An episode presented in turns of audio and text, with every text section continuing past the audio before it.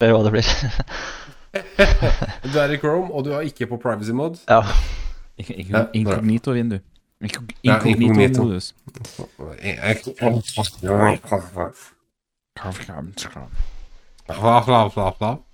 Ja, nei, hele livet mitt er inkognito-modus. ja, det er det jeg har prøvd hva på. det betyr, men Jeg tror ikke det er sant heller. Jeg tror ikke jeg kan si det. Hva faen er eh, Hva faen er distinguished name? Er det da fulle pafen til brukerne i Eldap? Det er det sikkert. Jeg ser DN, ikke sant? Nei, det er bare den, sikkert. Sitter du og hacker, ja? Ja, jeg skulle fokusere, var det ikke det jeg skulle? Ja, det, Jeg det var hater det, da. Eldap, ass. Eldap er noe møkk. Ja, jeg, altså AD. Ja, det er greit, men Kerberos, Kerberos er noe møkk. Fordi du forstår det aldri, selv om du tror du forstår det. Og så har jeg ikke lekt nok med rå eldup curries til å føle meg innafor på det. liksom Nei, nei, jeg ser Men, den. eh, Der òg føler jeg det, det er sjelden jeg har følt at jeg er nødt til å gjøre liksom LDAP queries. Det har hendt, men det har vært sånn superenkelt som få ut alt. Eller nei, få én bruker. Jeg har begynt å gjøre det mer og mer nå fordi eh, når vi kjører Hvis vi skal prøve å være litt sånn stealthy på eh, Eller hvis, hvis, hvis vi ikke skal prøve å bråke helt jævlig på pentestene, Mm. så kan vi ikke kjøre sharphound. Så da kjører vi heller bare noe som heter Eldapper, og så har vi en del custom Eldap Eller ikke custom, har vi en del eh, cheat sheet med, custom- med Eldap queries som vi kjører for å hente ut liksom brukerinformasjon og sånn. Mm. Uh, og det fungerer greit, men jeg glemmer dem jo like fort som jeg copy-paster dem inn i den der jævla greia. Så det er jo mulig å huske det. Nei, jeg skulle ønske jeg var bedre på det selv, altså. Det, Ja. Mm. Men jeg, jeg skjønner ikke er det, ikke er det ikke mer heuristics på hva slags LDAP queries som kjøres mot AD? Jeg føler det burde være liksom Det burde være innebygd i uh, security software for domenekontrollere. Det gir ikke mening at folk skal drive og etterspørre masse random data om uh, random objekter uh, i LDAP. det er vel en del rules mot sånn default, uh, for det er jo en del LDAP curious fra sånne open source tools og sånn. Jeg vil tro en del av de kanskje er flagga, eller? Ofte så I min erfaring så trigges det ofte på mengde. Ja. Altså hvis du, hvis du dumper liksom alle datamaskinene i hele domenet ved et par L-up så burde det gå an alarm. Men hvis du gjør det sakte nok, så er det vanskelig å skille. I hvert fall på et stort nettverk. da Hvis du gjør det sakte nok, så er det vanskelig å skille fra, fra eksisterende trafikk. Ja, det er mening. Men, eh, men eh, det er iallfall mye bedre enn å bruke Bloodhound Sharpout. Ja, Sharpout er uh, noisy. Den Det er ikke noe tvil om. Ja. Uh, men hvis Nei. du kjører uh, Hvis du Nå avbrøt jeg deg, vet du. Men hvis du, hvis du er på en vanlig innsidepentest, liksom, så går det an å kjøre sharp hand med collection mode DC only. Da spammer du i hvert fall ikke rundt deg på alle jævla SMB-porter på hele nettverket. Da er det kun LDAP to courier. Og hvis du i tillegg bruker stealth-argumentet, da, så, så tar det lengre tid, så klart. Men da, da går det an å pulle data uten at dere sammen du får 15 e-poster fra sokken om at du eh, domenekontrolleren nesten krasjer fordi du skal ha ut så mye data. Men eh, nei, det, det går, det. Altså, det er fullt mulig. Ja, helt kongen på Pentus, da. Mm, Ja, ja, ja, uten tvil. På, eh, på Red Team så hadde jeg nok bare pulla akkurat informasjonen jeg så etter. Type pulla liksom tre-fire interessante grupper, pulla Basert på de brukerne, prøvde å finne ut hvilken datamaskin i workstations de eier, og så gått deretter, kanskje. Det er vanskelig. Eh, Alt med tid. Du føler deg liksom fram på, på hva som er lov og ikke lov. Typisk mot slutten av en engagement så bare går du ham fordi du, du, du liksom har følt deg fram såpass at du vet hva du kan gjøre og ikke gjøre. Enten det, eller så prøver du å lage lyd. Altså noen skal våkne opp. Det vet jeg vel du og Eirik har gjort en del. Ja, det må til innimellom, det. Kun bare aldri ser deg, og du prøver å lage så mye lyd du bare kan. All right. problems. Skal vi komme i gang med episoden? Nydelig. Shika-bow-bow, shika-bow-bow. Det er en grunn til at vi har, er til at vi har et lydklipp så jeg, som spiller det, Melvin.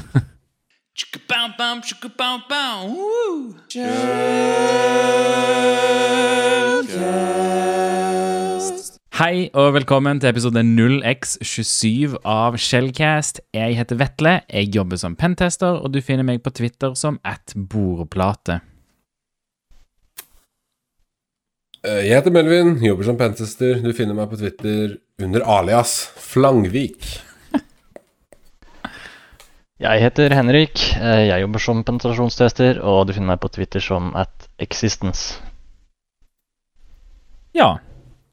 Da er vi, da er vi i gang. Uh, først ut uh, så har vi, så har vi Shells verktøyhjørne. Det er ikke jeg, jeg lover, det er ikke en eh, ny fast uh, spalte. Men, uh, men Melvin, du, uh, du slapp et nytt verktøy nå søndag sammen med Twitch-streamen din, gjorde du det? Kan du Det stemmer. det? Kan du gjøre. Så på søndag forrige uke, jeg, bare så hvis dere ikke vet det, så streamer jeg jo hver eneste søndag klokken seks norsk tid, eller fire UTC. Mest hacking og utviklingsrelatert. Og så er det veldig lenge siden jeg har sluppet et verktøy. Egentlig fordi jeg har jobba veldig mye internt med intern tooling, som vi åpenbart ikke slipper. Eh, så jeg satte meg da ned forrige forrige uke og satte sammen noe jeg valgte å kalle Sharp Exfiltrate. Som egentlig da eh, er eh, direkte integrasjoner mot forskjellige skyløsninger som kan misbrukes eller brukes av angripere til å eksfiltrere data fra et nettverk. Eh, så det vil si eh, OneDrive, Google Drive og As- Azure Storage Account var det jeg støtta på release. Så går det selvfølgelig an å For det jeg gjorde det relativt lett da for folk å legge til sine egne moduler. Så hvis du har lyst til å legge til Amazon Buckets eller en eller annen eh, norsk eller europeisk eh, hosting provider, eller altså lagringsprovider, så kan du legge til det. Eh, og det går egentlig på da at hvis du eh, befinner deg på maskinen til en til target, og du ønsker å hente ut store mengder informasjon, så er det ikke ideelt, typisk, å gjøre det via Cobalt Strike. Det kan ta veldig lang tid. eh, Det er altså teknisk generelt sett ikke ideelt, da. Og da, når du ikke har tilgang til GUI, så er det ikke så lett å få ut dataen via f.eks. OneDrive eller eh, Dropbox eller noe sånt. Så da kan det være greit å ha en liten executable som du bare kan deploye i minnet. Spesifisere sted du skal hente ut data fra, og eh, hvor du har lyst til å plassere dataen.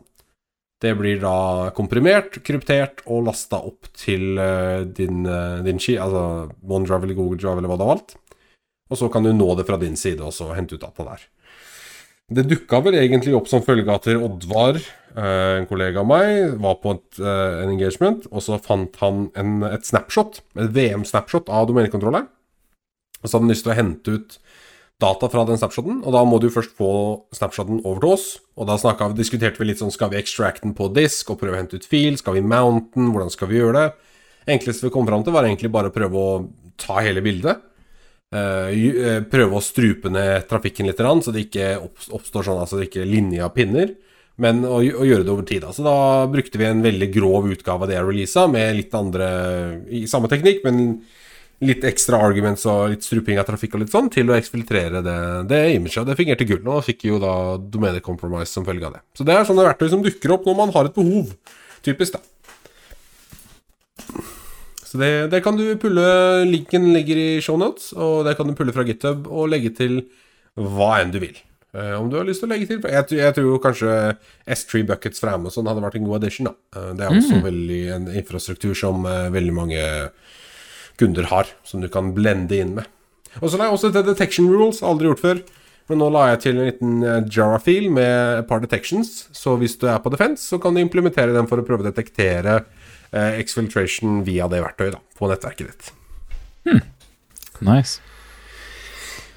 Ja, det er moro. Hva vil du si, hvis jeg vil legge til f.eks. Nextcloud-integrasjon, hvor vanskelig ville det vært? på en måte? Hva, hvor ligger vanskelighetsgraden her? Hvor mye har du lagt til rette for at det skal være mulig? på en måte? Altså, eh, du må jo kunne utvikle disse sharp, det er jo på en måte et et premise, da. Men eh, selve håndteringen av argumenter, komprimering av data og passordsetting av den komprimerte filen er automatisert og laga. Så det er to linjer med kode, så får du en stream med data som brukeren har definert. Det du egentlig må legge inn, er bare selve upload-logikken. Parsing av et argument for autentisering, om det er en connection string, client secret, client ID, passordbrukernavn. Eh, det må håndteres, altså det må, det må tas som input, og så må det lastes opp, da. Det er det eneste logikken du trenger. Um, ja, egentlig. Så det skal være ganske rekt fram, og typisk så, så kan man bruke sånn som på, på, på tvers av både OneDrive, Google Drive og, og Storage Account, så har jeg brukt de offisielle nugget, nuggetene fra de ulike leverandørene. Så jeg har brukt Google Drive sin, sin, eh, sin, eh, sitt API, da, eller Client Library, som de releaser. Jeg har brukt OneDrive sitt eh, ja, third party for OneDrive. Da, men for Asher Storage Account så har jeg også brukt det som er releasa av Microsoft da, for, å, for å kommunisere med Asher Storage Account. Ja. ja, det er mening. Kult. Ser i hvert fall veldig genialt ut og enkelt ut når jeg titter inn i den uh, modules-mappa her. Ja, skal være ganske rett fram. Du skal egentlig bare lage deg en ny modul, inherite fra en abstrakt klasse jeg har lagd, som håndterer alle input-argumenter. Og så legge til en initializer på Altså når du lager en instans av klassen, altså en constructure, som skal gjøre noe, og så upload-funksjon, så er det der. Så det skal være er lagd for å være veldig rett fram. Jeg håper egentlig jeg kan expande på det mer. Problemet akkurat nå er jo at alle disse dependencies har ganske mye plass, så vi er så vidt under 900 KB, og 1 meg er jo grensa for Cobalt Strike.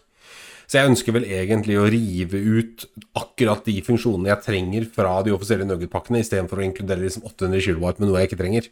Men det er litt med jobb, og kanskje jeg gjør det på, som en, som en liksom serie på streamen etter hvert. Vi får se. Eh, men det må gjøres i hvert fall for at det skal bli mer reelt. Ja, Mm. men hvis du vet du bare skal til Google på et oppdrag, f.eks. Uh, Ja, så kan du, da kan du også bare manuelt fjerne det, ikke sant? hvis du Ja. vet du ikke trenger de andre.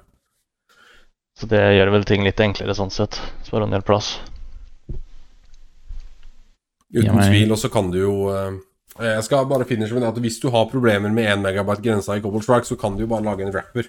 Altså det vil si uh, For eksempel Base64-kode og kompresse originalfila di, og så bare assembly-loaden i en annen binærfil, så han kommer under en meg, eller laster den inn eh, fra en ekstern ressurs eller noe sånt. noe. Så det er helt klart måter å komme rundt 1 megabyte-grensa på, men det er jo veldig greit hvis det kommer ut av boksen, da, at du slipper å gjøre noe ekstra for det. Absolutt. Absolutt. Jeg syns det er kult å ha lagt med den Yara-rullen. da. Ja, nei, jeg tenkte den skal være grei nå. Eller grei, sier jeg altså. Det har jo blitt mer og mer eh, tatt opp i hver debatt nå at hvis man skal release offensive tools, så, så burde man kanskje legge med en detection, detection rule. Og det verktøyet her spesielt er jo noe som kan bli brukt i mer avanserte operasjoner. Altså type en vanlig penter er jo ikke nødvendig på en vanlig pentest, det her, ikke sant. Eh, og det kan være vanskelig å detektere. da du har, Hvis du ikke har innsikt i nettverkstrafikk, så er det veldig vanskelig å detektere. Mm. Uh, så derfor la jeg med Yara-rullen, som egentlig da detekterer uh, både GWID-en, som uh, blir compila med, som skal være statisk, med mindre du manuelt går inn og endrer den, og sant cache-filen som blir droppa på disk når du utfører komprimering. Da. Den kan du så klart endre, men det står ikke noe sted, så man må liksom satse på at en angriper ikke, ikke tar det her og lager noe helt eget. Da, da, da er det på, på en måte utenom, utenom mine hender uansett. Ja, sånn er det jo litt alltid. Men veldig positiv ting da, å legge med sånn eh, regler for eh, blåsiden. Ja, det syns jeg absolutt. Absolutt. Det har jo eh, Det, det er jo den den der eh, off, offensive tool-debatten er jo eh, Ja. Den dauer ikke, for å si det sånn, eh, med det første. Så, så å legge til liksom ekstra cookie til blåsiden eh, er, er, veldig bra, det. Men hvordan, hvordan funker Yara-regel på akkurat det? Det vil være forskjellig forskjellig nettverkstrafikk da, fra verktøy til verktøy, altså API til API, da. Altså, Yara-rullen her går jo ikke på nettverk i det hele tatt. Det går bare på behavior på disk. Ja, Eh, ok, ja, ja, regelen- ok. ja, mm, så jeg tenkte nettverk Hvis du har nettverkinspeksjon, så vil du jo se at en rar konto autentiseres til et eh, til en OneDrive eller Google Drive eller et eller annet, og at det lastes opp store mengder data, vil du da se. Ja, jeg Mest regner jo sannsynlig, da. med at det er HTTPS, og at man ikke vil se en drit, egentlig, sånn sett. Jo, det er vel fortsatt eh, en del som har HTTPS eh, decryption fra endepunktet på maskinen, da. Så endepunktet ja. har, har en root-cert installert, og så kan du fortsatt inspisere HTTPS, basically. Ok. Men eh, det er ikke alle som har det, men det er fortsatt en del som har det. Jeg ville trodd eh, OneDrive eh, API, Google Drive-API-ene hadde innebygd pinnen, pin, altså certificate pinning, men de har vel kanskje ikke det? da? Nei, altså API-ene er jo bare et HTTPS-endepunkt. Ja, ja. Det er jo bare get post og put requester, så eh, altså det er jo ikke Ja, nei, det er jo ikke som en applikasjon liksom som tvinger det på en på, Når jeg tenker på pinning, så tenker jeg umiddelbart på mobilapplikasjoner. Jo, ja, Eh, absolutt. Ikke sant? Men hvis du, hvis du bruker Nuget-pakke for liksom OneDrive eller Google Drive, eksempel, så, så ville jeg trodd eh, certificate pinning. Men det er kanskje ikke så populært for eh, helt ennå. Det Jeg vet, Det- ikke, jeg vet ikke hvordan det på en måte skulle fungert, for du Nei, nei, jeg, jeg, tror ikke det blir som avfall fra for Nugget-paktene. Nei, nei, jeg tror, eh, jeg tror Ja. så, så sant du har eh, endpoint som klarer har full HTTPS-inspeksjon, så klarer du å detektere det her utenom de vanlige generiske metodene på disk og cashfield og alt det greiene der, da. Men, eh, men nettverksanalyse og nettverksovervåkning er jo mer og mer ut sånn på grunn av HTTPS og DNS over TLS og det greiene der. Ja, Så det er vanskeligere. ja absolutt. Nei, da tenker jeg vi beveger oss over til, til neste verktøy. Eh, Tobias, OX2VU i eh, Shell, har òg lagd et verktøy. Han har lagd et verktøy som, eh, som skal hjelpe med å kunne søke etter eh, subdomener eh, ved hjelp av eh, Certificate Transparency-loggene. Og i tillegg så har han en slags Google Dork-greie i, i det verktøyet. Det er et OS-int-verktøy for å, for å ja, finne ut mer info om, om eh, et target, naturligvis. da. Så, eh, så det er grunnen til at han har lagd det, er sånn at han får et eh, format som blir støtta av Eyewitness, som er et verktøy for å ta screenshot av nettsider, og som er brukbart for å sjekke mye webservere kjapt. Så, eh, så det òg, det ligger Nå skal jeg ikke snakke så mye om det, men det, også, det ligger i, eh, i Shells verktøyhjørne i, eh, i shownotes, og hvis det høres ut som det gir noe mer smak. Ok, da tenker jeg vi beveger oss over til, til nyheter. Så vi begynner med at politiet har skaffa seg en ny datakrimtipsportal. Det skriver NSR.org, Næringslivets sikkerhetsråd. Og eh, ja, det er vel eh, Det er vel basically bare en, en, en side der, eh, der du kan tipse politiet om datakriminalitet, og så kommer det på, på, et, eget, på et eget sted. Så jeg likte joken til, til han ene i, i Shell, som var Uh, Ser de ville ha en måte å filtrere datakriminalitet vekk fra vanlige henvendelser, så det er lettere for de å automatisk henlegge datakrimsaker. Jeg syns det var jævla sant. Det er morsomt fordi det er sant, men sånn er det. Mm. Ja, nei, det, det, det, det er godt. Jeg tror det, det, det, det, det er et tegn på at de, de prøver å gjøre noe, i hvert fall, for å, for å øke sin innsats innenfor datakrim. Og det tror jeg er viktig. Eh, man har, ja, vi, vi snakket jo I fjor så snakka vi om en rapport fra Riks... eh, Åh, hva heter det igjen? Riks... eh, Riksrevisjonen, Riksrevisjonen om politiet og datakrim, og eh, det, politiet har ikke noe god track record på, på datakriminalitet. Det er vanskelig for de å gjøre noe med. Dette er nok starten på at de prøver å gjøre noe ordentlig med det, men jeg er ikke helt sikker på, på hva det hjelper å ha egen på en måte nettside for å rapportere datakrim. Jeg vet ikke helt nøyaktig hvordan dette skal hjelpe de på noe som helst måte. De, de, har, de har jo kategorier uansett. Jeg kommer, hvis jeg kommer og anmelder noe, så har de vel en kategori på hva det går på. Hvis jeg anmelder at noen slår meg, så er det jo uh, assault, skulle jeg si. Uten at jeg ikke kan Jeg kan det ikke på norsk. Hva heter det på norsk igjen? Uh, hjelp meg. Uh, overfall? Ja, sant? De har jo kategorier på det. De har jo kategorier på alt om jeg, om jeg anmelder på nett, eller om jeg anmelder det eh, til, til trynet deres. Jeg er ikke helt sikker på hva dette skal, dette skal hjelpe med. Jeg tenker vel kanskje at det går litt på bevisstgjøring, at folk vet at det er en egen portal. Fordi det er, datakriminalitet er jo noe som er ekstremt økende. Både liksom type alt fra, fra scam til, til, til liksom møkk på sosiale medier og TikTok, eh, der hvor folk legger ut ting som ikke skulle vært lagt ut, og henger ut folk og whatnot. Veldig upassende ting osv. Så, videre. Eh, så jeg tenker vel kanskje at det går på at liksom, du skal være klar over at det er en egen portal dedikert til det her, og at gå dit hvis du trenger altså, At det er mer sånn da, enn at du skal navigere fram til liksom, tipssida. Jeg vet ikke. For som du sier, de har jo kategoriserer du fra før av, så Jeg er litt usikker på for Når du anmeldte eller, ja, når du anmeldte her før eh, Hvordan gjorde man det egentlig? Gå ut til politiet. Ja, Dette her er jo bare tipsportal, da, for så vidt. Ja, riktig. Uh, Men det er, jo, det er jo helt sant. eh, Det, ikke sant? det sier jo noe, det her. Du visste ikke om man kunne gjøre det via tipsportalen nå, eller fra før, og nå, nå vet du at du kan gjøre det via datakrimportalen, ikke sant. Så, men det, det går kanskje litt på det, da. Det gjør nok det. Ja. Og så er det jo mye enklere vei inn til de riktige folka, da, kanskje hos politiet. Du får mye bedre enda bedre filtreringssystem enn det den, dem kat selve selvkategoriseringa, eller hva jeg skal kalle det. Ja.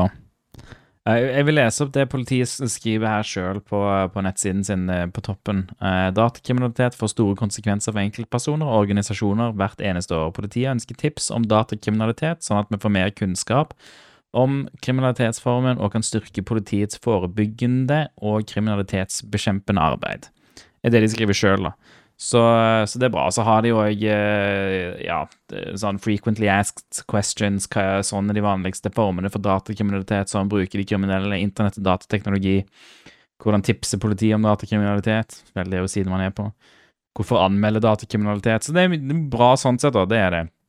Og, jeg, og det gleder meg å se at de nå de gjør noe i hvert fall for å, for å forbedre den dårlige situasjonen de har vært i. Så får vi se hva Dette, dette i, realiteten så tror jeg ikke dette gjør så mye, sant? Uh, det, det, det, dette er jo ikke på en måte de tiltakene politiet trenger å ta for å ordentlig uh, ta hånd om datakriminalitet. Men, uh, men det er nå i hvert fall et signal da, hvert fall til oss som, som følger med på dette, at, at de prøver å gjøre et eller annet. Ja, nei, det er nok et steg i riktig retning, tenker jeg. Uh, gjør jo mer bevisstgjøring på det, i hvert fall. Så får jeg bare håpe dette ikke er det siste de gjør. Nei, det, det blir det nok helt sikkert ikke. Helt sikkert ikke. Du, man vet aldri. Man vet aldri. Skal ikke si det for sikker for det. Hæ, vi har jo en datagame-tipsportal! Trengte vi gjøre noe mer? Nei, så vil jeg, eh, så vil jeg jo peke tilbake igjen til, til Riksrevisjonens eh, rapport om, eh, om politiet og ja, og datakrim og hvor dårlig de gjorde det. Vi hadde en, vi hadde en episode der vi snakket om det i fjor en gang. Jeg husker ikke hvilken episode det var, og jeg gidder ikke gå tilbake og finne det.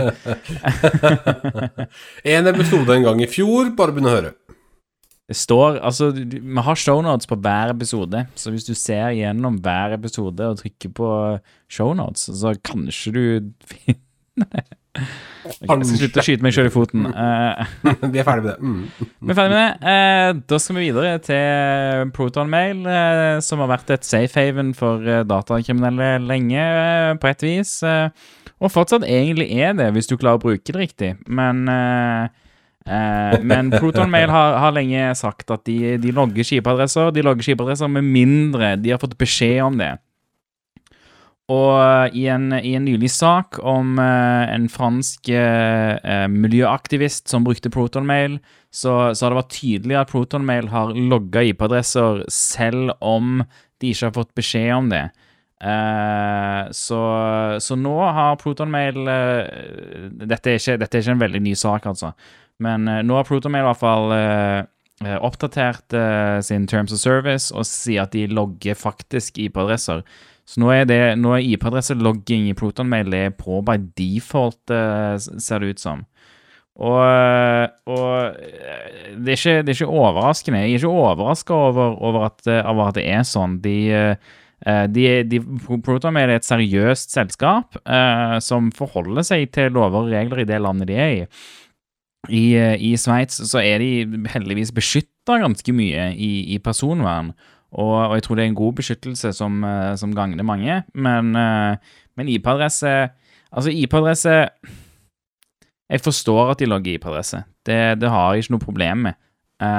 Det, det er noe man gjør. Det, og og IP-adresse teknisk sett er ikke Uh, Ifølge GDPR, GDPR så tror jeg det er regna som personlig informasjon, men, eh, men det er såpass lett å, å å eh, endre IP-adressen din ah, Eller endre eh, Maskere IP-adressen din med type eh, Onion-protokollen eller, eller whatnot.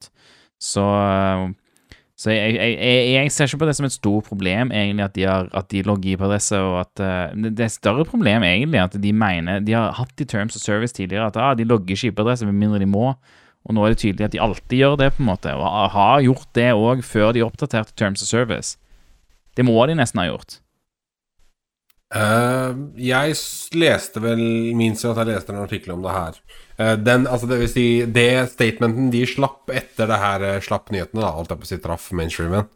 Og min forståelse der var at de ble approacha av uh, sveitsk lovverk og politi.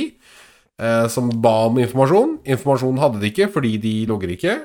men de ble påtvinget til å slå på logging da, for individet, ikke sant. Og det Jeg tenker jo at det er helt fair game, for det, det ProtonMail tilbyr, er ikke en anonym tjeneste. De tilbyr en sikker og privacy-concerned tjeneste. Og selv om noen klarte å logge IP-adressene til brukeren som logga inn på e-posten, så klarte de ikke å dekryptere e-postadressene. De klarte ikke å lese informasjonen, for det er kryptert på, på klientsiden, according to Protomail. Mm. Så jeg tenker egentlig at dette her er helt fair game. At det, det er bare Her har det vært den typiske misforståelsen mellom privacy og anonymitet. Ja. Uh, som ofte er, ikke sant, når du ser på alle disse forbanna YouTube-kanalene som skal selge deg VPN-tjenester herfra til månen, Ah. som mener da liksom at ja, bruk VPN, hvis ikke så kommer hackeren og tar deg. Det er sånn Nei, du, du skjønner ikke hvordan det her fungerer, du. Men det er greit. Ja, ja. ikke sant, Selge VPN-tjenesten din, whatever. Det er vondt å høre på. Uh, Så, så, så, ja, du blir, du, sånn, du blir semiprovosert. Men nok om det. Men det, det er liksom i hvert fall tanken min bak det her, da. At, der, eh, det er helt fair game. Eh, har du lyst til å være anonym og bruke protonmail, så bruker du Tor og protonmail. Da er det vesentlig verre. Ja, for det Proton gjør, Pro, ProtonMail gjør helt riktig, er kryptering. Ende-til-ende-kryptering. De kan ikke lese e-posten din. De har all e-posten. Alt det ligger kryptert på serveren. Uh, og, og det er du som har keyen til å, til å låse det opp òg. så det, det, jeg er helt enig med deg der. Det, det er jo det som er personvern, på en måte. Sant? De, de har løst alt det greiene der, og eh, ja, jeg er veldig fornøyd med det. Jeg bruker ProtonMail sjøl som, eh, som main eh, e-post-provider. Jeg betaler for det, for jeg, jeg synes det, synes det er kjempeålreit. Og, og dette er ikke nyheter som på noen måte eh, bekymrer meg, da. Eh, det Man vet liksom Man vet når man er i ferd med å gjøre noe kriminelt, på en måte. Du eh, Jeg vet ikke. Det, det Altså det er litt sånn som dette med miljøaktivisten nå, sant, I, fra, fra Frankrike, som, som ble tatt basert på dette. Um, det, det, det er en større sak for f.eks. Uh, journalister da, og sånne ting eh, i, eh, i land der journalister er undertrykt. Eh, og aktivister av, forskjellig grad. Sånn. Ikke alle er veldig teknisk kompetente. Ikke alle skjønner helt nøyaktig hvordan IP-adresser og hva, hva lovverk og sånne ting som, som er gyldig. Men eh, Men det Altså, man må ha, man må ha noen lover og regler, på en måte. Det er eh, Ja, nei. Jeg, det, jeg, jeg, jeg, synes, jeg synes akkurat dette det, det er veldig vanskelig hva som er lov å plukke opp, og hva som ikke er lov å plukke opp. Eh, og som altså og, logge og sånne ting. Men, uh, med IP-adresse føler jeg det, det er såpass kjent at uh, hvordan IP-adresser funker De fleste skjønner på en måte at de har en IP-adresse, og, og jeg tror mange tror at IP-adressen kan bli brukt til mer enn den kan brukes til. Så det generelle, liksom, offentlige synet på IP-adresse føler jeg at, er at det, det er mer sensitivt enn en vi gjerne oppfatter det som. Fordi at for oss, IP-adresse, ja, det kan jo pinpointe deg sånn ish, men det er ikke sånn, det er ikke sånn sykt sensitiv. Er ikke, jeg er ikke sykt redd for å, for å gi ut IP-adressen min til noen, liksom. Jeg gir den ikke willy-nilly ut, fordi jeg vet at noen ganger så åpner jeg porter som kan være greit at liksom ikke At, at, at ikke noen hamrer med, med, med spesifikke ting. Men, men IP-adressen min er liksom ikke kritisk, på en måte. sant? Og med så mye forskjellig type tracking som finnes i dag òg, så jeg forstår på en måte at mange kanskje trenger en tjeneste som er trygg. De lever kanskje i et land som Ja, de krever at de har veldig høy privacy, men jeg tror ikke liksom ProtonMail alene da er løsningen. Nei. Eh, krever Hvis du, skal gjøre, hvis du mer. vet at du, at du er som kriminell i landet du er i, så, så må man gjøre mer for å beskytte seg. sant? Om du er aktivist, og om du er journalist, så, så er det viktig at man vet hvordan man skal, hvordan man skal beskytte seg. Og, og det er ikke jeg, Jeg prøver liksom ikke victim blame, på en måte, uh, men uh, men det er viktig at, uh, at når man vet at man er target, at man òg gjør visse grep for å beskytte seg. Og IP-adresse, det å prøve å maskere IP-adresse, det er første steget. uansett hva slags tjeneste du bruker. Om du bruker verdens mest liksom kriminellvennlige uh, tjeneste, så må du alltid tenke på å maskere IP-adressen somehow. Om det er en proxy, om det er liksom VPN, om det er Altså whatnot, sant. Det, det er liksom Det er steg numero uno. Uh, så så det, akkurat det IP-adressegreiene det, dette, dette, er ikke kritisk i det hele tatt eh, fra at personvern Eh, standpunkt eller et aktiviststandpunkt heller. Protonmail har jo åpne Onion-adresser, så det, det, er null stress å bruke Protonmail gjennom eh, Tor-nettverket, liksom. Men uh, har de faktisk slått det på? Det står jo litt sånn frem og tilbake her. Jeg fant en artikkel hvor det står at de ikke egentlig har sagt det, satt det på ennå, men uh, bare under visse omstendigheter, da.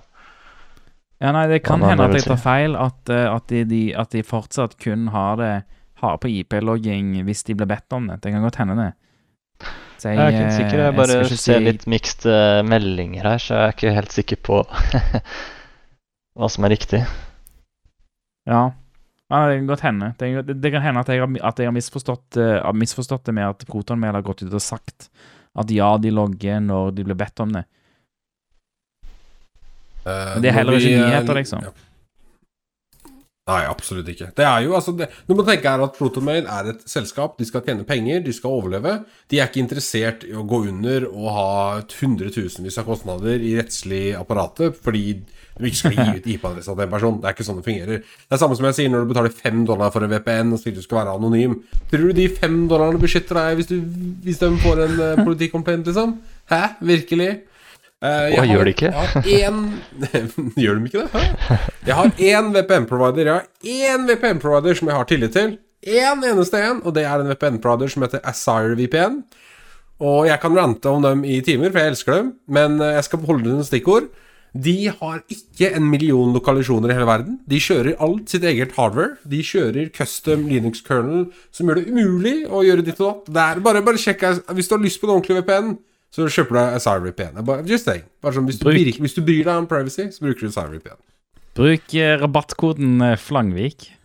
ja, det er sånn Så får du 90 eh, rabatt. 90, sånn, jeg har ranta så mye om de greiene òg. Sånn, sånn, internt liksom på Oslo-sekka sånn, så har jeg vært sånn der all over SR-VPN. Men eh, nei, oppriktig. Det er liksom Det er en VPN-selskap som jeg can get behind, og som har liksom en ordentlig En canary, hvis du vet hva det er en gang, ikke sant, så skjønner du at disse gutta Disse er seriøse.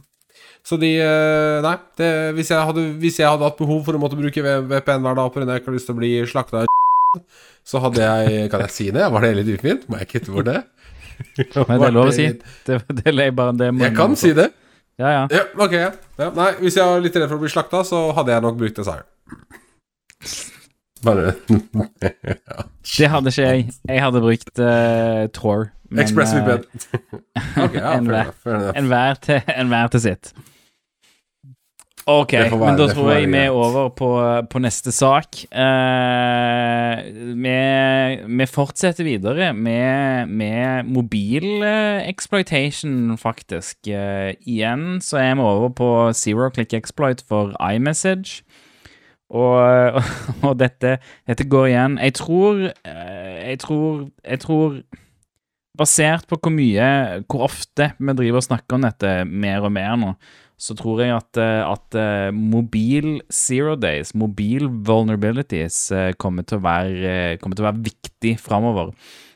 Uh, det, beveger, det er jo litt som jeg, jeg tror vi snakka om forrige uke eller uken før, at jeg, jeg, tror at mobiler kommer til å ta Altså, de holder på så mye personlig informasjon, de holder på mer og mer viktig informasjon om folk, så dette, dette er absolutt et område som som jeg kan forstå at det har såpass mye fokus som det har, da. Det, det er én ting at Apple er, er relativt shit på, på, på, sikkerhet når det kommer til koden sin. Jeg, det, det, det, er ikke noe å legge skjul på at koden til Apple er, er dårlig når det kommer til sikkerhet. De er flinke på på mitigations, de er flinke på, på å ha sikkerhets... Uh, uh, ja, boundaries, på en måte, men de er ikke noe flinke på å skrive kode når det kommer til sikkerhet. Så, så det er ikke overraskende å se mer og mer her. Eh, og, og, igjen så er dette NSO-gruppen som eh, som, eh, som, har funnet Eller som har aktivt ut, ut exploita denne, denne zero click vulnerabilityen. Det uh, Ja, nei. Jeg vet, ikke, jeg vet, ikke, hva jeg skal si. Det er ikke overraskende heller at NSO-gruppen NSO er, er svær. De, de tjener dritmye penger. Uh, umulig å si hvor mye penger, men uh, vi ser at de tjener gjerne mye penger. De har mye penger å bruke på, på R&D, og de, de, kommer til å være en stor aktør videre òg uh, innenfor dette. Det, det, er utrolig åpenbart. Så Nei, jeg vet ikke om dere har noen tanker? Patch. Patch. Ja. Oppdater telefonen. Uh, dette er jo Jeg er jo helt enig at det er nok mobilen som kommer til å være, og er åpenbart da allerede, men kommer til å fortsette å være et prime target for, eh, for høynivå exploits, nettopp fordi at der, uh, Ja, du kan få tilgang til PC-en, men, men, det er så mye mer Altså, det vi bærer så nært, er ofte på mobilen, da. Ikke sant? Kommunikasjonen vår er ofte på mobilen. Tofaktorapplikasjonene er ofte på mobilen. Uh, og det er med overalt. Jeg, jeg tenker at der, Jeg tenker at der jeg tror nok ikke det er like mye Apple som det er Android eller alt annet. Det er nok bare at uh, disse personene som uh, som uh, Altså, jeg vet, ikke, jeg vet, ikke, prosenten nå da på hvor mange i verden som bruker Android kontra Apple. men det er bare snakk om tid og penger dedikert til én ting, og det er å finne exploits i et produkt, og da finner du etter hvert. Uh, tror nok Altså Jeg vet jo at Apple sist de patcha noe, så introduserte de et helt nytt rammeverk som skulle gjøre det mye vanskeligere, da, eller som de klemma umulig å, å, bryte ut av sandboksen til, uh, til iMessage-appen. Tydeligvis ikke mulig. Ingenting er umulig. Blastor, stemmer. Vi snakka om det sist podkast, gjorde vi ikke det? Jo. Yep. Uh, men nei, det er, det er, bare sånn det er. Hvis, du, hvis, en gruppe mennesker bruker nok tid og penger på en ting og en exploit, så, så kommer de til å finne det. så klart, det, burde jo gå ut etter hvert, men nei. Jeg vet ikke. Det er bare Jeg holdt på å si bare, vet, bare vent til en, en, smart AI begynner å finne O-Day, så da kan vi begynne å snakke. uh, ja. Ja, nei det, det, Apple, altså iPhone har jo blitt fronta for, eh, for mange journalister. Det har blitt fronta lenge som den som det OS er som er sikkert. sant? Som eh, ah, det er mye sikrere enn Android. Du, det, det, er sykt vanskelig, det, det, er sykt dyrt å exploite deg. sant? Og, og det, er nok, det, er nok, sant det at det er nok dyrt å exploite deg uh, i, uh, i iOS-verden.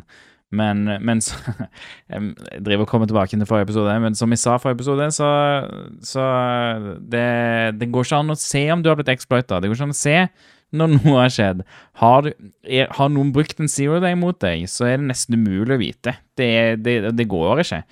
Og på den, på, på den måten så ville jeg nesten ha anbefalt Android bare fordi at det er i hvert fall mulig på, på et Altså, hvis du har et team bak deg, på en måte, hvis du har et sikkerhetsteam bak deg, så er det i hvert fall mulig for de å ha noen form for endpoint security på telefonen din.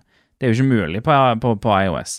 Så, så, så, for all del, for oss, for oss vanlige folk i gata, uh, for oss på podkasten, så tror jeg nok uh, så tror jeg nok at, at, iOS er det sikreste valget, bare fordi at ja, det er nok vanskeligere, det er nok jævlig dyrt å exploite oss, men, uh, men hvis, du, hvis, du, sitter liksom som, som, uh, som en høyprofilert person, politiker eller whatnot, sant, så, så tror jeg nesten at uh, at det hadde vært bedre å gå for en Android med en ordentlig endpoint security-løsning. Sant? Det, og Nå tror jeg, jeg vet ikke om det er noe endpoint security-løsning for, for, Android på samme måte som man har liksom uh, Sofos og Silence og whatever på, på, på Windows, liksom. Men, uh, men jeg, tror det, jeg, tror det, er veien å gå framover. Uh, og, og jeg, jeg, håper Apple taper denne kampen på måten de driver på, for det, det, er, det er ikke bærekraftig. jeg syns ikke det er det. Men det skal jo sies at det finnes jo EDR-løsninger til iPhone også. Eh, annet gjennom Intune, som Microsoft leverer.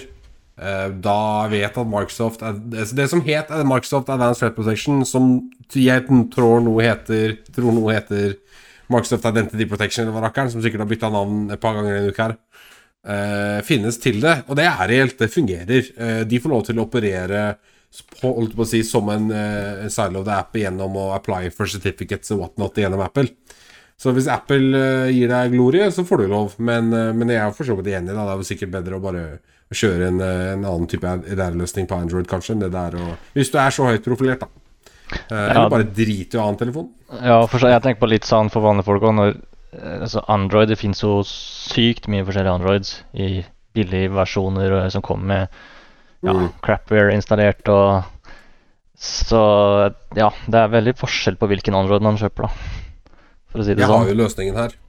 Det du gjør, er at du kjøper jo en ferdigeid Xiaomi-telefon. Du kan jo ikke bli hacka hvis du allerede er hacka. Big brains, ikke sant? Du kan jo ikke bli exploita hvis du allerede har en Altså, hvis du allerede har blitt exploita, går jo ikke. Ja, nei, men men så på, på Altså, MDM-løsninger, Mobile Device Management-løsninger på, eh, på iOS har ikke innsikt, sånn som Intune. Det går ikke an å ha en EDR-løsning eh, på, på iOS, fordi de, det, det er ingen apper, det er ingen utenom Apple som på noe som helst måte klarer å få nok innsyn i OS-et til å kunne eh, Til å kunne ta beslutninger, da, på, eh, på om, om, om noe går bra eller går galt. Så, så det, det, det er bare ikke mulig på, på iOS. Det, det, er ikke et, det er ikke et OS det går an å stole på, sånn sett. Men yes, altså, er du sikker? Fordi jeg leser liksom Microsoft Defender for endpoint on iOS. Mm. Om jeg er sikker? Jeg er helt sikker. Jeg er 100 sikker. De, eh, de får ikke kjøre som eh, root. De får ikke kernel hooks. De får ikke, de får ikke gjort noe. De, eh, det kan godt være at marketingen deres er veldig bra og sier at, at de kan gjøre masse greier, men de kan ikke det, realistisk sett, med mindre, de, med mindre det er en jailbreak-løsning, med mindre Microsoft jailbreaker telefonen for deg og installere hooks i telefonen, så, eh, så er det ikke en god nok løsning. Enhver rootkit kan jo gjemme seg på, fra, fra det som kjører i userland. Det, det er jo det er ikke noe tvil. Det er jo ingen tvil om at hvis du har et rootkit installert eh, og, og har den muligheten, så, så kan du gjemme deg fra enhver userland-applikasjon. Om eh, Selvfølgelig det- altså, det er ikke, altså, Noen userland-applikasjoner kan plukke opp noen rootkits, men, eh, men så lenge det er rootkits som er spesialiserte, så Altså, det, ok, det ville jo vært relevant for hvilket som helst rootkit, rootkit òg, men eh, de hadde i hvert fall hadde nå hatt høyere sjanse, da. eh, hadde de òg hatt eh, muligheten til å, gjøre, til å gjøre ordentlig analyse. Det blir litt sånn vetle mot Microsoft her, da. Men, eh, og Apple. Og verden, for så vidt. Men Det er som regel jeg mener Jeg bare leser sånn om uh, marketing materiality for Microsoft Defender for US, og det det ser ut til å være, er mer en sånn type Ja, vi kan låse enheten din og wipe den hvis det skjer et eller annet. Vi kan passe på at du ikke går inn på visse URL-er. Altså det vil si, ja, Du sier her at det er 80%, 85 av angrep foregår over e-post, meldingsapplikasjoner og eh, bad apps. Og det kan de overvåke. Nettverkstrafikk kan de overvåke. Eh, tydeligvis da liksom litt aktivitet. Da. Jeg skulle bare likt å se, fordi igjen, hvis iOS liksom Hvis Apple har gitt uh, glorie, så, så tror jeg det er mulig å ha en ordentlig DR-løsning for iOS. Men jeg hører at du sier nei, da. Jeg gjør jo det. Kanskje Altså, de jeg, det? jeg er såpass Apple-cuck at uh, jeg eh, Som regel så ville jeg ha beskytta Apple hvis jeg hadde trodd at eh, det hadde noe for seg, men eh, jeg, jeg tror ikke det. Jeg, det Apple eh, er, De har skapt et leketøy som, eh, som er et leketøy, men du, du kan ikke bruke et leketøy eh, for seriøs business. Der tror jeg vi har navnet på episoden. De har skapt et leketøy, eller Du kan ikke bruke leketøy eller noe sånt. Jeg tror vi har.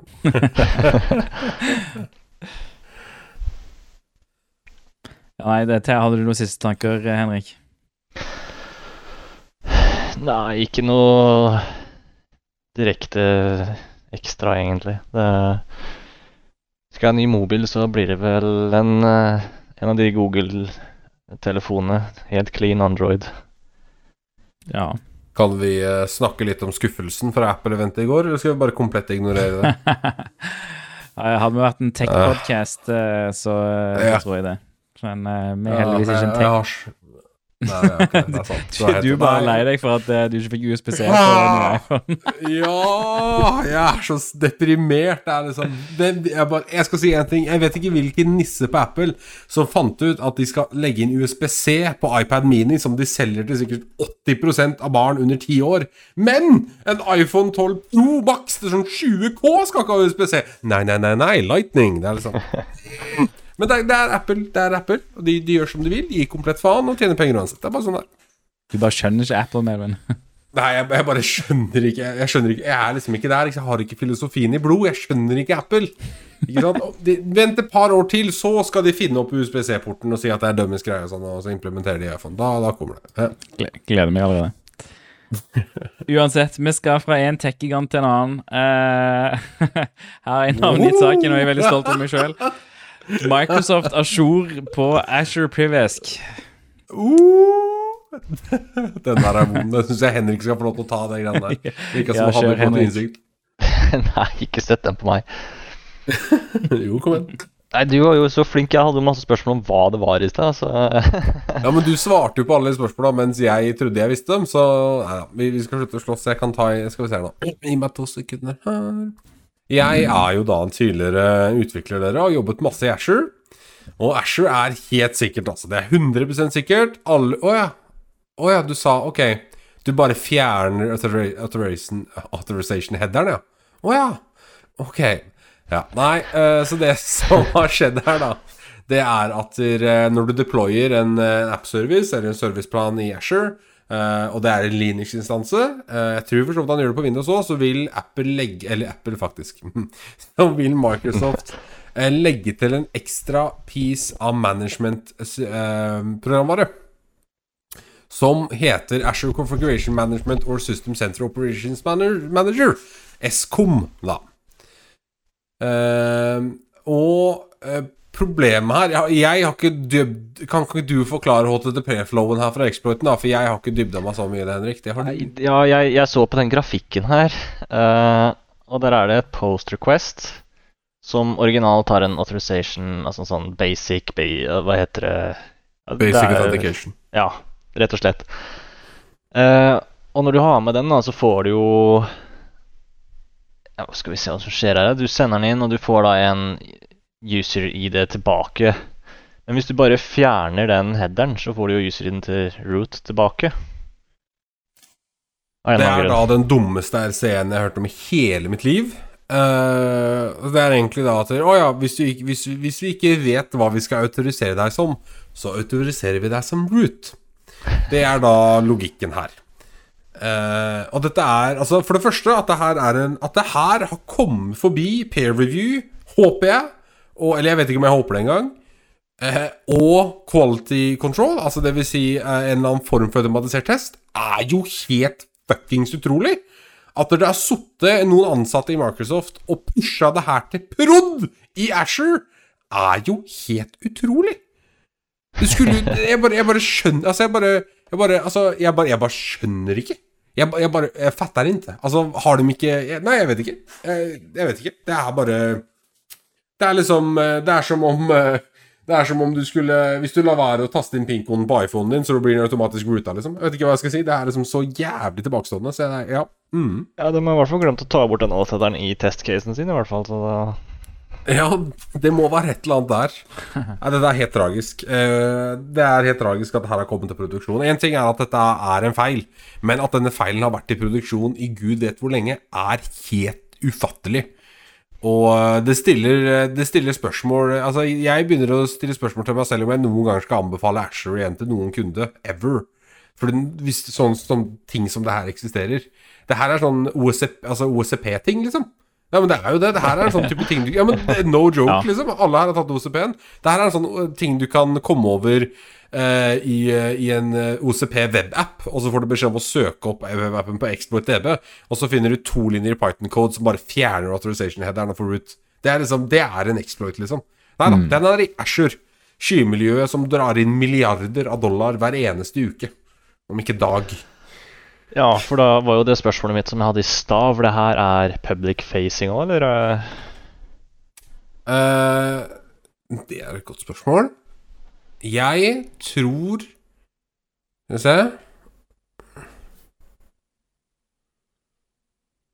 For det Ja, gjør jo det- ting veldig interessant, i hvert fall. Som root. Så public, ja. Det kommer jo an på brannmurreglene du har satt, og, og sånt noe. da. Nei. Ok, så uh, This vulnerability allows a remote takeover when OMI er, altså, er exposed over HTTPS. Altså lister rundt managementporten en typisk er. Det er default configuration when installed standalone and in Azure Configuration Management or System Center Operation Manager Kom. Uh, ok, som sier egentlig at noen tjenester, sånn som Log Analytics, som kjører på en form for app-service, er- expo, exposer ikke den porten her publicly, men andre gjør det. Skal vi se, han snakker han Snakker han spesifikt om hvilken tjeneste? Kanskje han ikke gjør det ennå?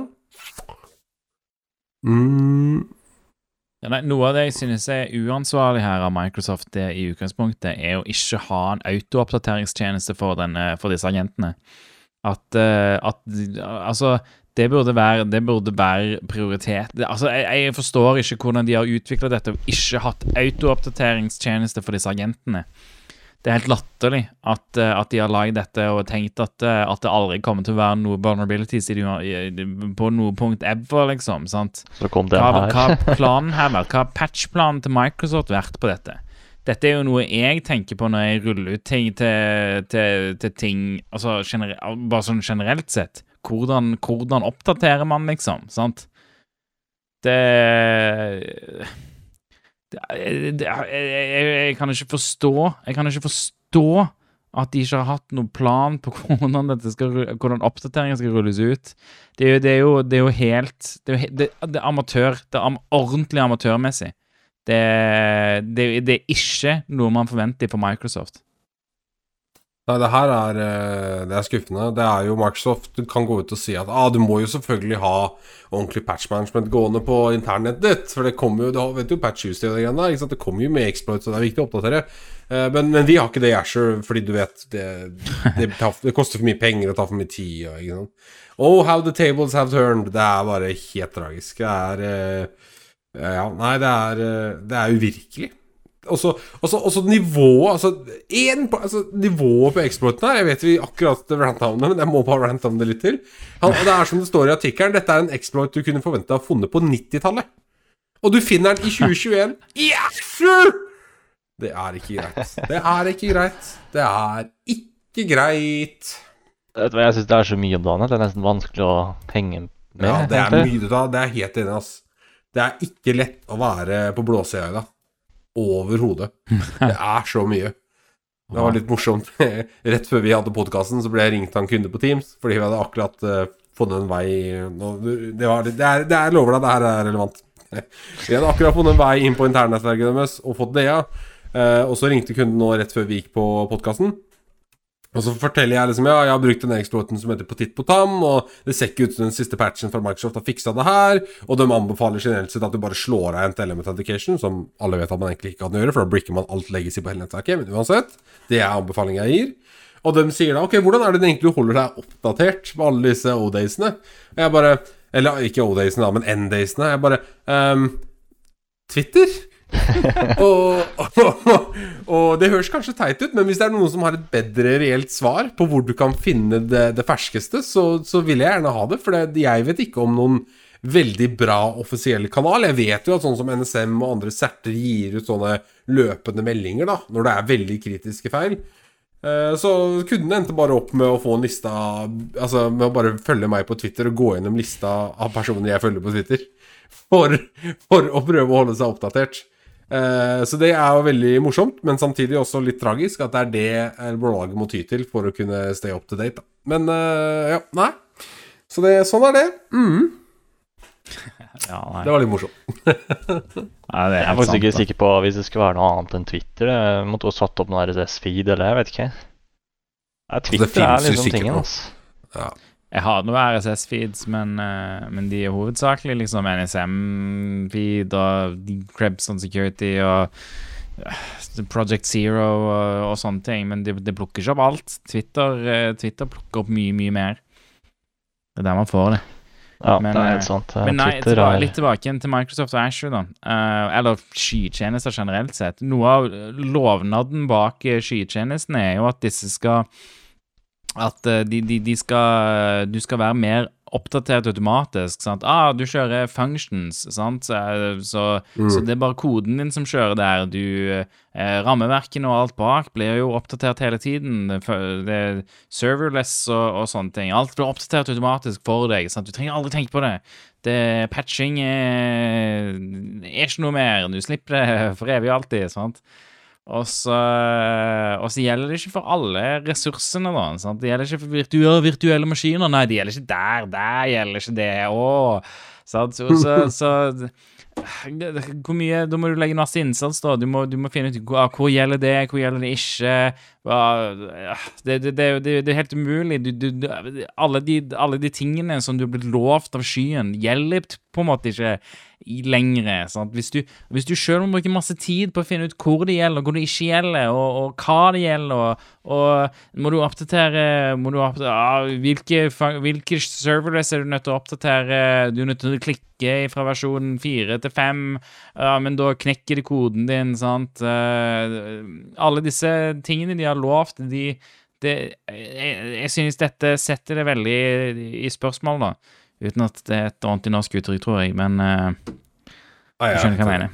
Det er jo veldig morsomt at dette kommer da pre-installed og silently deployed, står det. Ja, silently deployed, det er jo litt som at Altså, det er jo, det er jo basically deres distro, da. Sant? Eh, Når du installerer Ubuntu, så kommer jo ting med der.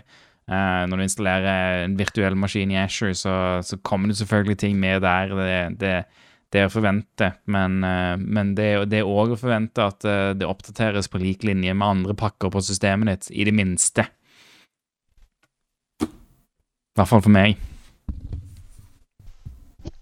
Jeg er helt enig. Halve poenget med skya var at du skulle slippe å måtte styre med patch management. For alt er i skya som oppdateres. Ikke Så sant? dette er jo eh, Ja, nei. Sikkert et par, par store selskaper som har investert hardt i omprem og nekta å gå over til skya, som ble ganske godt nå. Jeg er veldig fornøyd. Men uh, vi får se. Uh, Dette her starter jo sikkert i The Asher Apocalypse med, med exploits, O-days og whatnot. Ja, det står jo der i Eh, AVS og GCP også, da. Interessant Ja, nok. riktig. Men ja. Ja. Nei, eller har dere noen siste tanker om, eh, om eh, Microsoft og Asher? Ikke som jeg har blodtrykk til å fremstille akkurat nå.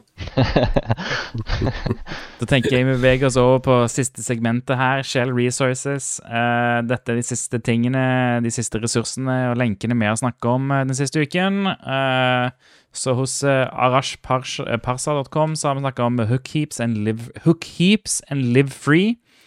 På Xmind så er det en pentesting active directory. Det er en eh, graf som viser litt eh, cheat sheet i grafform, basically, om hvordan du pentes active directory. Veldig bra veld, Bare si at det er veldig bra mindmap. Jeg er helt, helt overbevist om at det er en vanvittig godt grunnlag for mange sin pentest-metodologi. Så jeg bare sier at vanvittig bra mindmap der. Godt å tippe den, altså. Det er bra. Det er bra. Nydelig. Takk for innspill. Vær så god. Eh, fra Outflank NL på GitHub har vi eh, Print Nightmare, eh, eh, Local Privesk og eh, Remote eh, Code Execution. Det er noe å sjekke ut. Eh, som regel så har det bare vært enten-eller. Så fra eh, Night 0x07 har vi Impulsive DLL Hijack. Fra K. Bailey har vi Detection Engineering Maturity Matrix. På redteams.fyi så har vi Red Team Maturity Model, a model for building and improving your internal red team. Og som en utvidelse på det, fra jackson10.ca har vi Operational Mental Models. Så det er det siste vi har snakket om uh, den siste uken.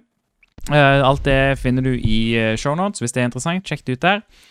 Så vil jeg til slutt nevne at vi har en kanal på Norsekten Discord. Og, og når du har joina Norsekten Discord, du bare lenke til det finner du i, eh, i shownotes. Så join, join der. Si, gå til Shellcast podcast-kanalen og si hei til oss. Eh, Det setter vi veldig pris på. Eh, Vi liker å ha noe aktivitet der. Eh, Det hadde vært veldig gøy. Og hvis du har lyst til å sende noen lytterspørsmål eller forslag til nyhetssaker vi kan diskutere, så gå til informasjonskanalen, trykk på mikrofonikonet, så får du tilgang til å skrive i Shellcast Submissions-kanalen. Så da plukker vi ut det, og så putter vi det gjerne i shownotes, og så leser vi nyhetssakene og diskuterer gjerne det. det. Det er gøy om vi får noe innspill til hva slags nyhetssaker dere syns det er gøy at vi diskuterer. Vil vi, vi vil gjerne diskutere noe som dere syns det er gøy at vi diskuterer. Så, så, gjør det. Gjør det. Lenke finner du i shownotes, så bare gå, gå inn der. Hvis, hvis, du ikke har hørt det de disse tre gangene jeg har sagt det, så, så lenke til shownotes. Hvor var det lenken var igjen? Shownotes, shownotes til lenke finner du i Discord. Discord til lenke.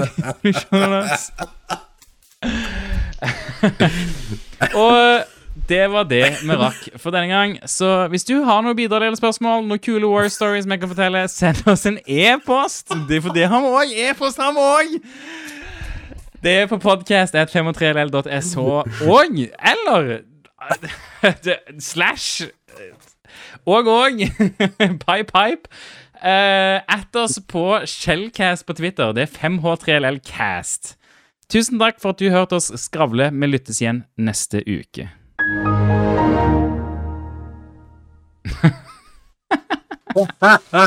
Fy faen for Der stoppa du ikke, altså. Det var helt vilt, faktisk. Ho! det var bra greier. Ja, jeg dør. Nei, det er greit når man har manus. Står i, står i showet, skal jeg si. oh, I, I chatten her, hvor var lenken? det, det var Jeg skulle til å kommentere. Jeg fant akkurat ut at det var chat her, så det Hey, Nelson in the chat, jo. Wow, det outer folk. Det outer du chatten. Oi, oi, oi, oi, det må jeg sensurere. Oi. Pip er her, jo. Ah, kult. Oh, nei, det var veldig uh, Dette var veldig bra, Vetle. De siste to minuttene jeg tror jeg runda hele. Det var bra, altså. Det, det er solid. Imponert. Bra. Ja, jeg tror uh, jeg, jeg, jeg, har begynt å naile slutten. Jeg føler Begynt å naile slutten. Så det var dritbra. Takk, takk, takk. Setter pris på det. Nei, eh, jeg, jeg irriterte meg litt uh, over, uh, over, det norske språket her. Jeg, jeg, skrev tidligere at jeg går og pisser. Og så, og så tenkte jeg altså, Mens jeg gikk og piste, eller mens jeg gikk på do for å pisse, så tenkte jeg 'går og pisser'. Det kan forstås som to forskjellige måter. Jeg går og, altså, jeg går og tisser. Altså, mens jeg går, så pisser jeg. Og, og eller liksom jeg, jeg, jeg går, og så pisser jeg. Men uh, det er ikke noe enkel måte å liksom uttrykke det kort i tekst. Sant? Det går og pisser. Nei, det Det er sant. Chatforslaget er det. Jeg skjønner, jeg skjønner, men hvis jeg skal si liksom Hvis du skal si liksom jeg går og pisser sant? Jeg tror, jeg, tror gjerne, jeg tror gjerne du ville uttrykt det med liksom 'går og', og så sånn tøddel over o-en. sant? Da ville du sagt 'nå, nå jeg går mens jeg pisser'. jeg tror det ville vært måten å si det på. Går og pisser. Jeg synes det var, det var veldig bra podkast i dag. Jeg synes vi, jeg har bare notert meg skal bare si det, jeg har bare notert meg fem tidspunkter som må klippes. Kun fem! Det er lite. Veldig lite. Jeg lo masse mot slutten her, så derfor syns jeg det var Men jeg syns det var bra. Jeg syns, det var bra Syns det generelt sett var bra. Så bra faktisk, Vetle, at jeg lurer på om du skal klippe den gangen der. Nei, what? Du bruker jo dritlang tid på det. Tror du jeg, klar, tror du jeg klarer å, å bruke ikke... like kort tid som deg? Nei, det vet jeg du ikke klarer, men det Ja, nei. Ja, du var jo en racer på det. Ja, det, det, det, finnes ingen måte der jeg klarer å gjøre det samme som deg, bare fordi at Altså jeg, det, altså, jeg klarer ikke å la være å synke inn mye tid i det. Det er ikke det at jeg sier at, at man må gjøre det, men jeg bare jeg, jeg tror, det bare det kribler i fingrene for å gjøre det. Det er det som er problemet. Nei, jeg skjønner det. Altså, det er, det var, når du redigerer, så blir det jævlig bra, da. Det er ikke det. Det er bare det at det liksom, du, du kommer til å brenne ut huet ditt, liksom, hvis du skal bruke fire timer på å redigere en times podkast en gang i uka. Det går ikke. Men, det er ikke noe stress. Jeg klipper det sammen. Jeg husker første gangen, jeg husker første gangen vi satt Eller jeg satt og så på deg klippe. Hvor lang tid det tok? Det var helt vilt. Det er ikke det samme. Ikke det samme første ja, gangen og etter jeg hadde klippa sånn 20 episoder. Men, eh, men ja. Nei, men jeg mener absolutt, absolutt. Det, det, det, det er noe det, det, det, Ja.